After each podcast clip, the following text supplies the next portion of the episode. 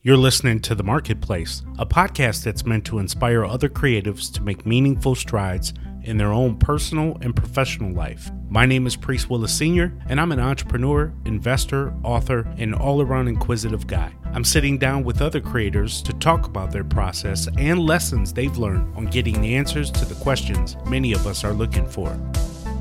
Let's get ready to roll.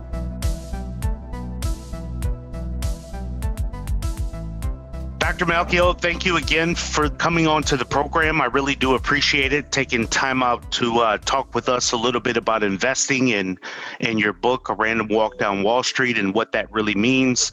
And I think now is more prevalent than ever in terms of us having this conversation because of what we just seen happen on the market with GameStop and some of these other stocks that were essentially headed to be penny stocks. I think people think that they have the system figured out and your book sort of addresses that that no one really has this figured out. But hopefully you can answer some uh, questions for the listeners just to give a little background on yourself. So i know you're a professor at princeton. You were at one point a director at vanguard. You've since started up wealthfront. But uh, in terms of the book what was the genesis of you writing the book dr malkiel? Why did you what made you come out in the early 70s to write that well, the book was meant to be a guide for investors and to try to tell them sensible things to do. I think it's particularly relevant now because gambling on GameStop is not the right thing to do. No. And unfortunately, a lot of the Robinhood investors who got into GameStop in the 200s and 300s and 400s have lost a lot of money. And many of them will probably be soured on the stock market forever. I, I like the idea of democratization of investment, but not the way they have done it. One of the things the book does is it has uh, three chapters on famous bubbles in financial markets and other markets in the past. In the 1600s, the Dutch had a, a mania to buy tulip bulbs. Mm. And the price of a single tulip bulb rose to an amount that would be enough to buy a nobleman's castle. And of course, the whole thing eventually collapsed, and tulip bulbs would be uh, spewed on the uh, ground as worthless. And one of the lessons in the book was that any one of these bubbles, they look wonderful when they're happening, but eventually they all crash with tulip bulbs. It was a kind of word of mouth in taverns in Holland in 2021. It was message boards on the internet. Yes, they're very different, but they're very much the same, and they all end the same way. So the lessons in my book are don't do this. You're going to get burned. The way to start an investment portfolio is to save regularly, put the money into a very broad based index fund, by which I mean a fund that holds all the stocks in the market. Be quite diversified. Don't try to time the market. And by putting little amounts in each day, particularly each month, rather, particularly if you start young, anybody, even people of quite modest means, could enjoy a comfortable retirement. So, those were the kinds of lessons in the book. And I think you're absolutely right.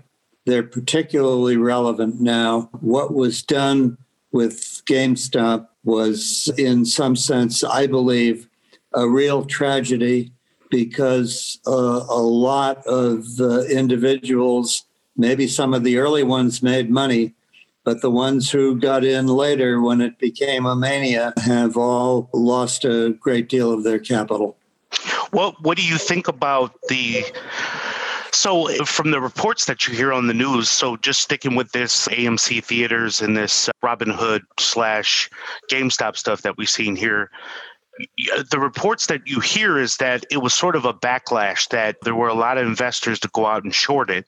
So there was these Reddit guys that decided, no, you're not going to do that and pump it up. And literally it turns into a pump and dump, which is why I understand Robinhood had to shut it off because they knew on the back end there'll be legal troubles. But what do you think about the regulatory issues Dr. Malkiel, that it's saying, hey, this is all the management folks do on Wall Street. They do the exact same game, but now the roles have reversed a little bit and the people have took it in their hands to play the pump and dump game. I mean, what's your what's your thoughts around that? Well, I think uh, to the extent everyone likes a David and Goliath story, and certainly from the standpoint of the early ones, who recognized that when a hedge fund is short a lot of stock, and when hedge funds in general had shorted more GameStop stock existed. I mean, the short interest was something like 130% mm-hmm. of the outstanding shares, that that creates an opportunity for some and the question then is if three or four other hedge funds on Wall Street colluded and did that to bring the big hedge funds down who were short the stock, there I believe you would have clearly found that the SEC would have gotten after them and probably would have tried to prosecute them. Hmm. It's a little more difficult with the, the internet. And I think what we're going to, uh, maybe we will learn later, is that there actually was some degree of collusion. But I'm not sure. I think it's a more difficult thing to prove when the collusion, at least in part, was that Joe tells Mike that this is a good thing to do. And Mike tells John it's a good thing to do. And John tells Bill that's, I think, a little more difficult to prove. It is. But I think what it does raise, and I think these are very difficult questions, and I certainly don't have an answer. But in a way, the the issue is similar to the issue various tweets encouraging a mob to go and attack the capitol. And this is a little bit like what had happened of a mob getting together and will attack the rich guys. The problem is that the people who got caught up in this and then who were long aren't the uh, rich uh, guys. the stock was uh, was 300 and 400 that they in fact got their uh, comeuppance. Yeah. and undoubtedly some other people the thing about markets is remember for every buyer there's a seller.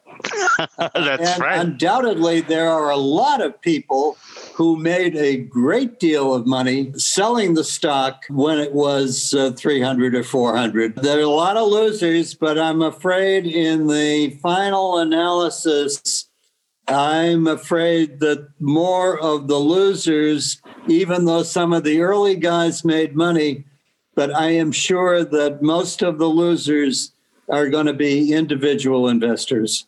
And it's not the way to invest your money, it's pure gambling. Yeah. And I like gambling too. I like to put two dollars uh, uh, on a horse to win, but uh, I do it simply as enjoyment. This is not the way to manage one's finances. Yes, I agree. We're talking to Dr. also professor at uh, Princeton, very renowned investor.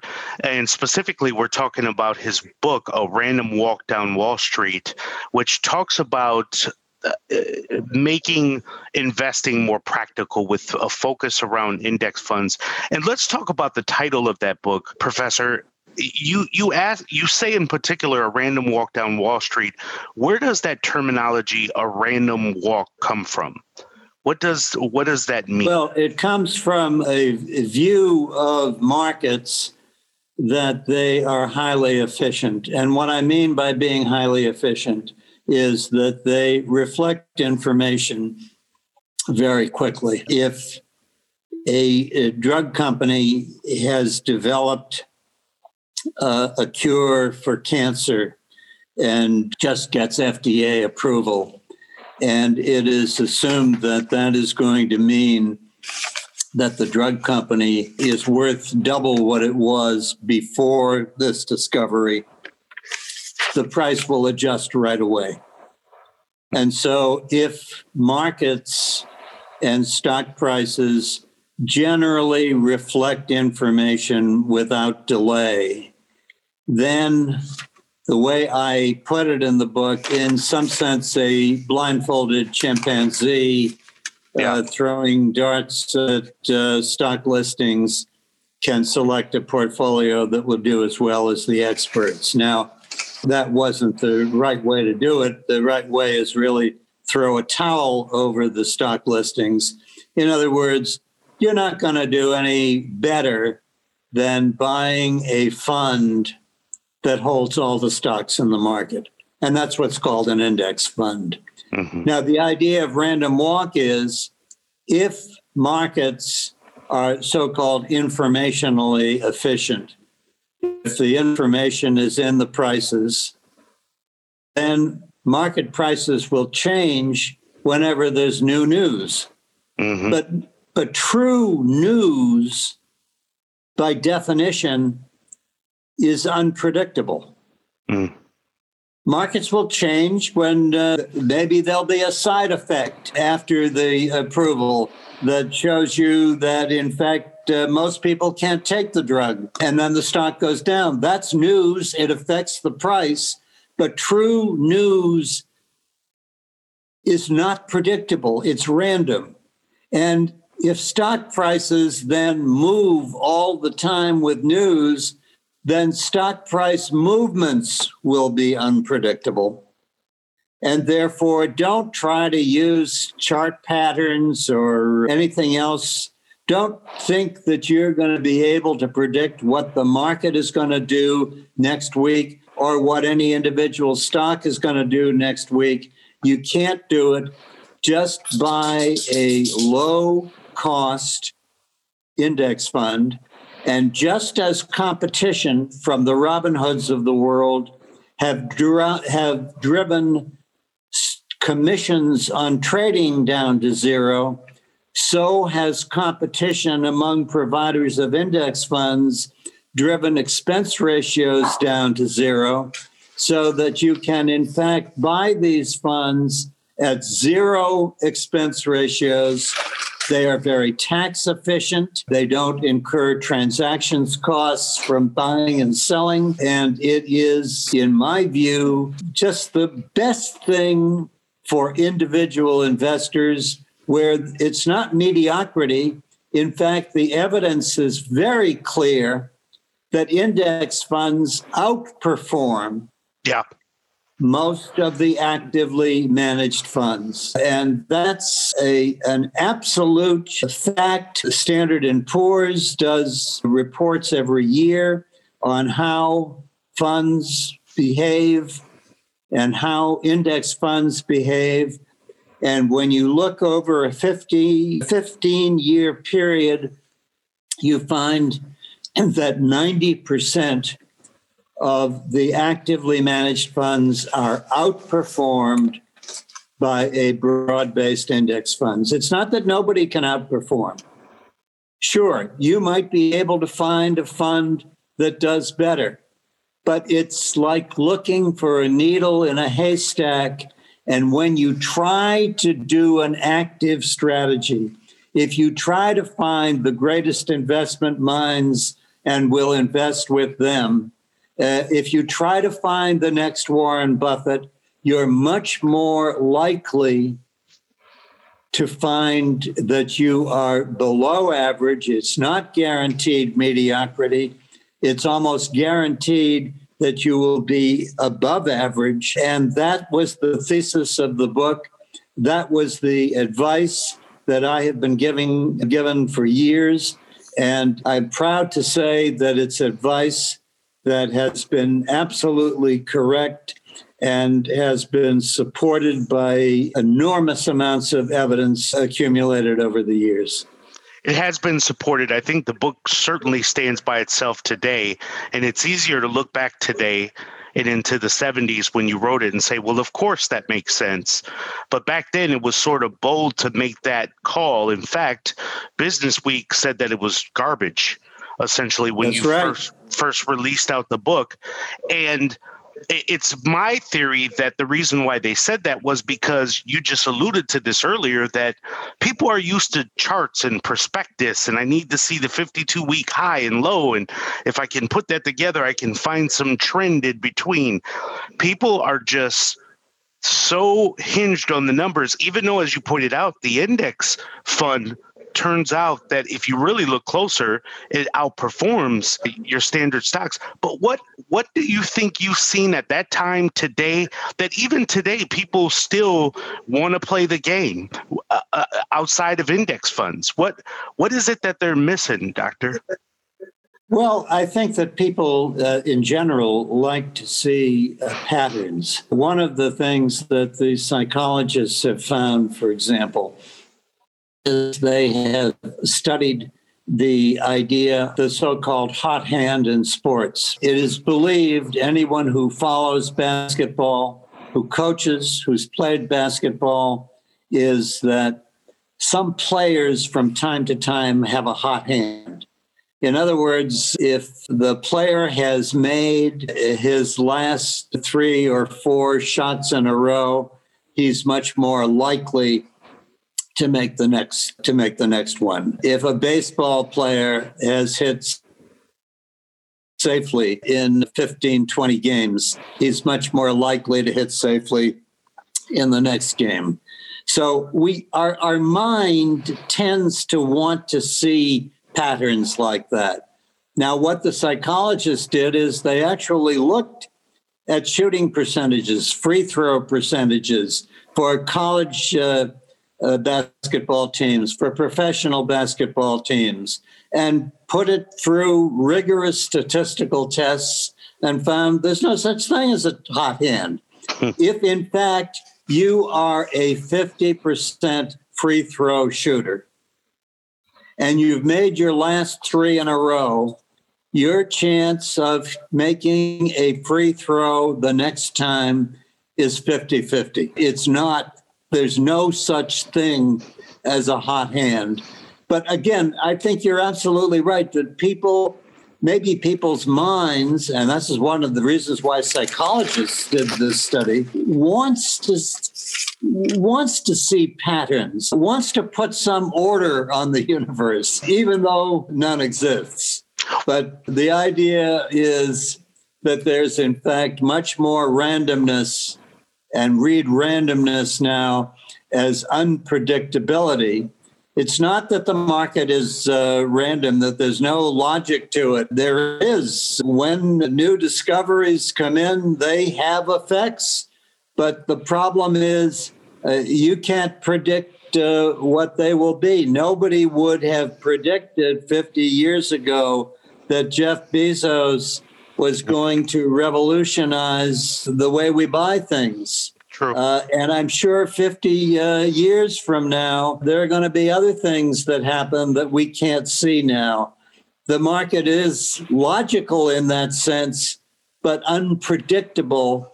And so the idea of it being a random walk is that market prices from day to day behave no differently than uh, they would if you were picking out uh, numbers from a random number uh, table. Yeah, part of it is that I think that's why people spend a lot of money for big shot, you know, investors on Wall Street and otherwise in, in local communities was to help you time the market, which is something that you speak against in terms of don't time the market. Sure, but the reason people do it is it's profitable for them to do. The reason active funds keep up, keep on going is they charge 1% a year. And the investment uh, professionals, we don't have to feel sorry for them. they earn uh, very good livings and they get paid very well for what they do. What one needs to realize, though, is that the emperor really doesn't have any clothes.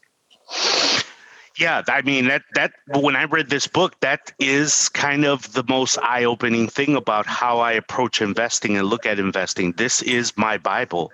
But one thing that I wanted to know is if we focus on asset allocation rather than manager selection, as we're talking about here, how do you feel about the uh, uh, different investment models that are recommended to clients, like investing 70-30 and stick with that? I mean, how do you how do you shape the two if you're being driven with just index funds versus this this ideal around savings and investing that we've been always hearing through all our life? Well, let me make uh, let me make two points. First of all, the book preaches diversification. That is to say, you don't simply want uh, to buy stocks in the S&P 500. You want to buy all the stocks in the US market.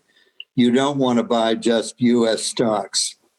You want stocks that exist abroad, including emerging markets, which are growing much more rapidly yep. than the developed markets. So the idea of putting a portfolio together is covered in quite some detail uh, in the uh, book.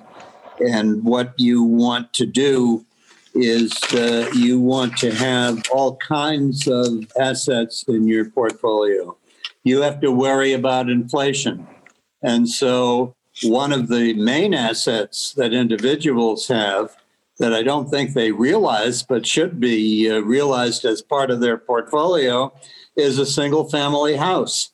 And particularly if one worries, we haven't seen much inflation recently, but if one worries about some inflation breaking out in the future, then having some, quote, real assets, and by real, I mean real physical assets like land and uh, a house built on it uh, is an important part of your portfolio and an important part of offsetting inflation and is a risk uh, reducer.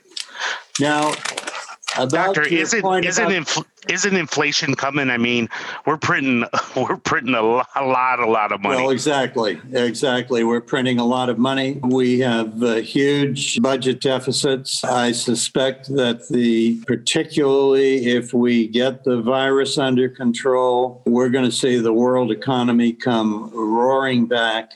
And I don't think any of us are prescient in predicting exactly uh, how much it'll be and when it will happen, but I agree with your point entirely. I think there's a real chance that we're going to see uh, more inflation in the future.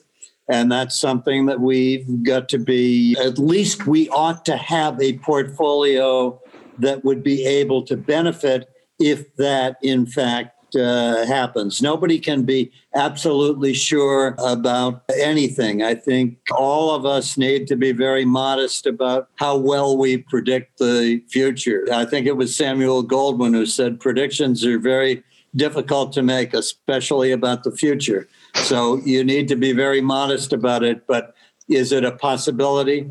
Absolutely. And you want your asset allocation to be ready for that. Now, having said that, let me point out that sort of simple rules that maybe we ought to be 70 30 70 in stocks and real estate and things like that and mm-hmm. 30% in bonds i think today that may be a very dangerous allocation. And I say that because today interest rates are either very close to zero or zero or even negative.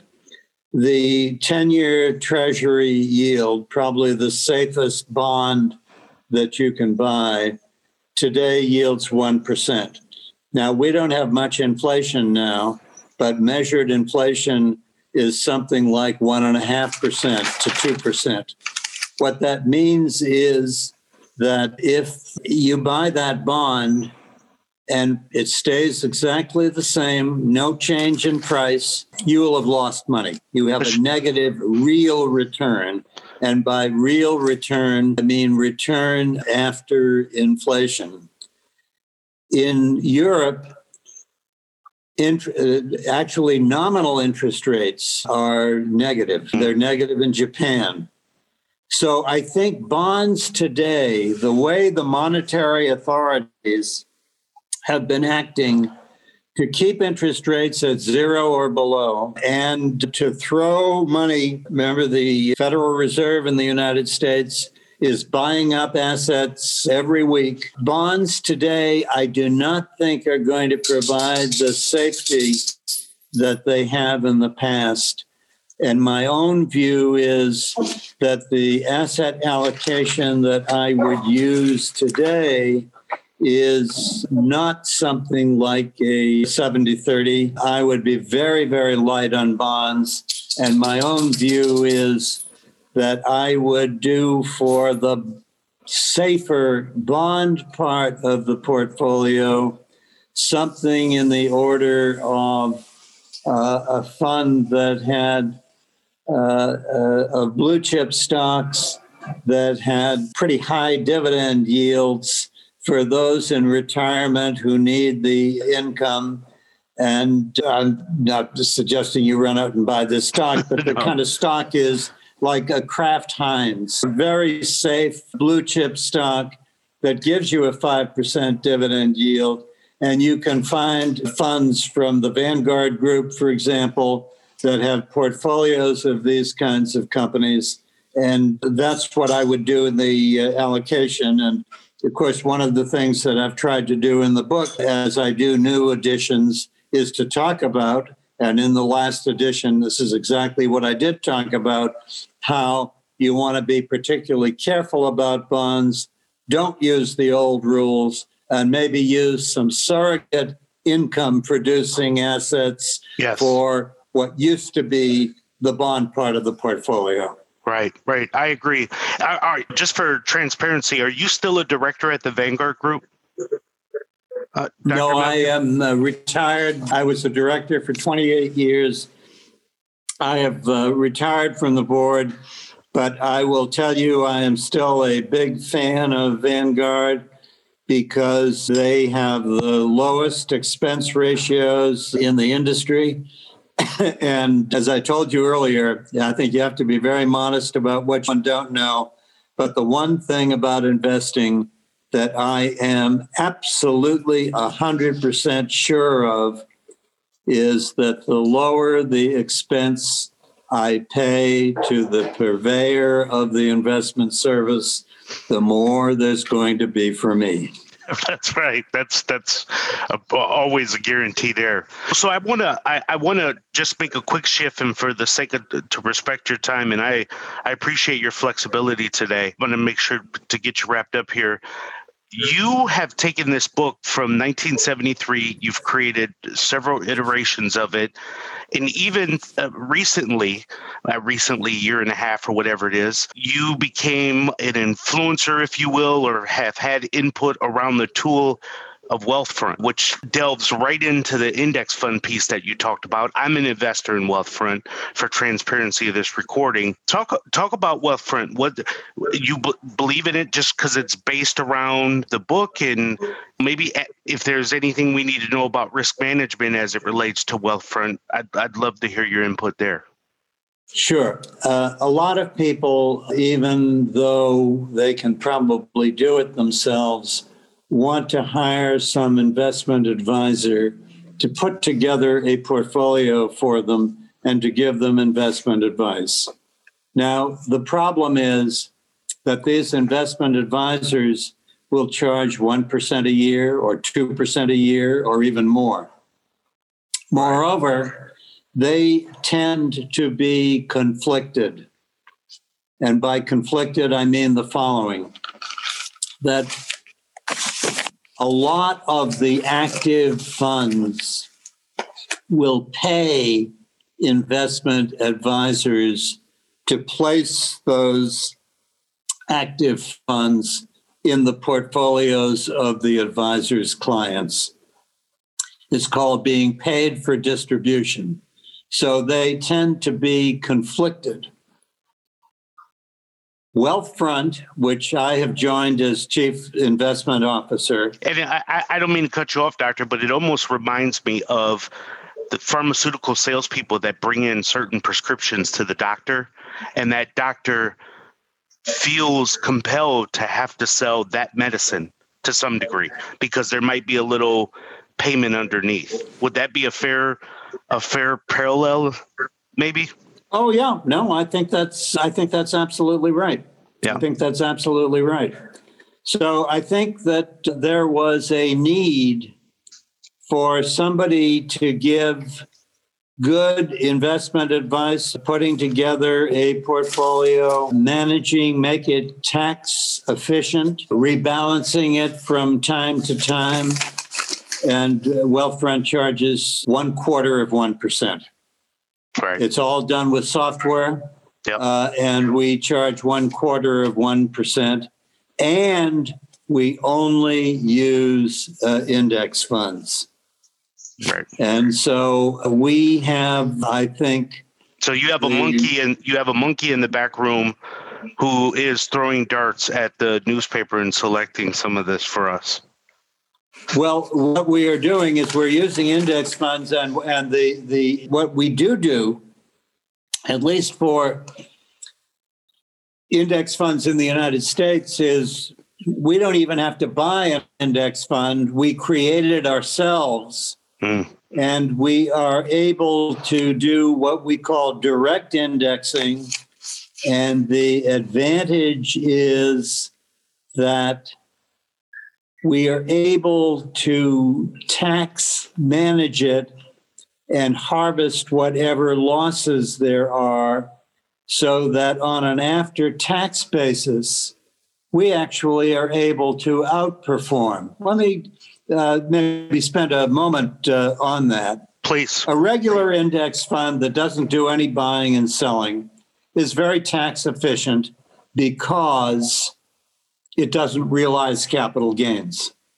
Because when you realize a capital gain, you get a 1099 at the end of the year, and you've got to put it in your 1040 under Schedule D as a realized capital gain. hmm So, what we do with the index fund, we create it ourselves and we create it with sophisticated sampling. And let me give you an example. Suppose we were trying to mimic the Standard and Poor's 500. We might buy only 250 of the stocks, but we would choose them so that we would minimize any tracking error from what the S&P 500 actually did. Hmm. Then what we can do is we can look at the particular stocks from time to time and say the market is up, but the drug companies are down. So what we might do is if let's say all the drug companies are down, we still want the drugs to be this right percentage of the S&P that they are, but we might sell Merck and buy Johnson and Johnson or vice versa, sell Johnson and Johnson and buy Merck. And so what we'll do even in the ebullient markets that we've had recently, there are always some stocks that have gone down. I mean, for example, the oil stocks are down. So we might sell Chevron and buy Exxon or vice versa. We will harvest any loss, and losses up to a certain amount can be deducted from your income. And that's what I mean by saying that we overperform. Pre tax, we're just doing what the market is doing. Right. But after tax, because we've realized the losses, we are actually outperforming on an after tax basis. It's all done with software. I think it is the answer for investment management in the future. Very wealthy people can find uh, investment managers that do this. Wealthfront is able to do this for ordinary people and particularly millennials who are starting to have a fair amount of money, they are our best clients. So I, forgive me for uh, my dog uh, barking. I know your dog. I've seen your you see them back there tail behind your head yeah. many times. Yes, you see them back there. That's okay. I see your. I see your. Yes. So yeah, I think dog. Yeah, you. Oh, yeah. Dog people. Oh yeah, yeah. I'm a fan of dogs, I, and I love dog people too. Hey guys, many of you know that I've started my own business in many different ways. I've started several different side hustles, and frankly, there's no real way to duplicate myself other than outsourcing my business. And along the way, I've found trials and tribulations of meeting different people using different platforms like Upwork, Fiverr, all these different systems that entrepreneurs and other people like myself tend to use. And I wrote a book about it. It's called The Beginner's Guide to Outsourcing Your Business. Find, hire, and build your team virtually today. As an entrepreneur, you cannot handle every business process yourself. In business, results matter, and your goal to produce the best results matter. How do you do this? You need a team. Read this virtual outsourcing book. It's on Amazon. Click the link in today's show notes. It's only $2.99. So click the link in the book description. Let me know that you ordered it today. Love to hear your feedback about it. And if you're looking to build out your team and expand your brand, outsourcing is the answer. Pick up the book, The Beginner's Guide to Outsourcing Your Business today. Now back to the show. So my last question, and then we'll wrap up. And you can put it in a word or two. Bitcoin. I could. I know what you're going to say, but for the listeners, how do you feel about Bitcoin I think. or uh, any it's any the- cryptocurrency? Let's say that. I think that this is going to uh, end up very much the way GameStop did, that uh, a lot of people are going to lose money. Now, I've got no problem with uh, cryptocurrencies, and I think you're going to see governments sponsoring uh, these uh, Block- in the future. blockchain. So you think the concept of blockchain? I think the concept is fine, but I think governments in the long run are not going to allow an alternative currency, particularly those that are widely used to settle nefarious transactions, Yes. drug dealings, and various other illegal pursuits. So I think that uh, this Bitcoin itself is not the answer for the future, although it would not surprise me to see a lot of government sponsored cryptocurrencies that were highly regulated coming to fore. But I don't think it's going to be Bitcoin. Yeah, I agree with you. Well, Dr. Malkiel, I mean, this for me has been an honor. I, I, I can't say enough about how much I appreciate your work, uh, your boldness back in the 70s to, to have such a take on the market. I'm sure you weren't a fan with some of the suits in Wall Street at the time, but this has been meaningful for me at a lot of levels. Like, I have alumni folks from Princeton that speak highly of you and just meant a lot. So thank you so much for your time. Well, thank you very much. I really uh, enjoyed it and appreciate the opportunity to talk to you. Thank, Thank you. you. You have a great day. Bye-bye. Bye bye. You too. Thank you, podcast family, for listening. If you enjoyed this episode and you'd like to help support the podcast, please share it with others, post about it on social media, or leave us a rating and a review. To catch all the latest from me, you can follow me on Instagram at Priest D. Willis Sr. and on Twitter at Priest Willis. But I really do appreciate your support, and it means a lot to me. So thank you again, and until next Sunday, we'll talk soon.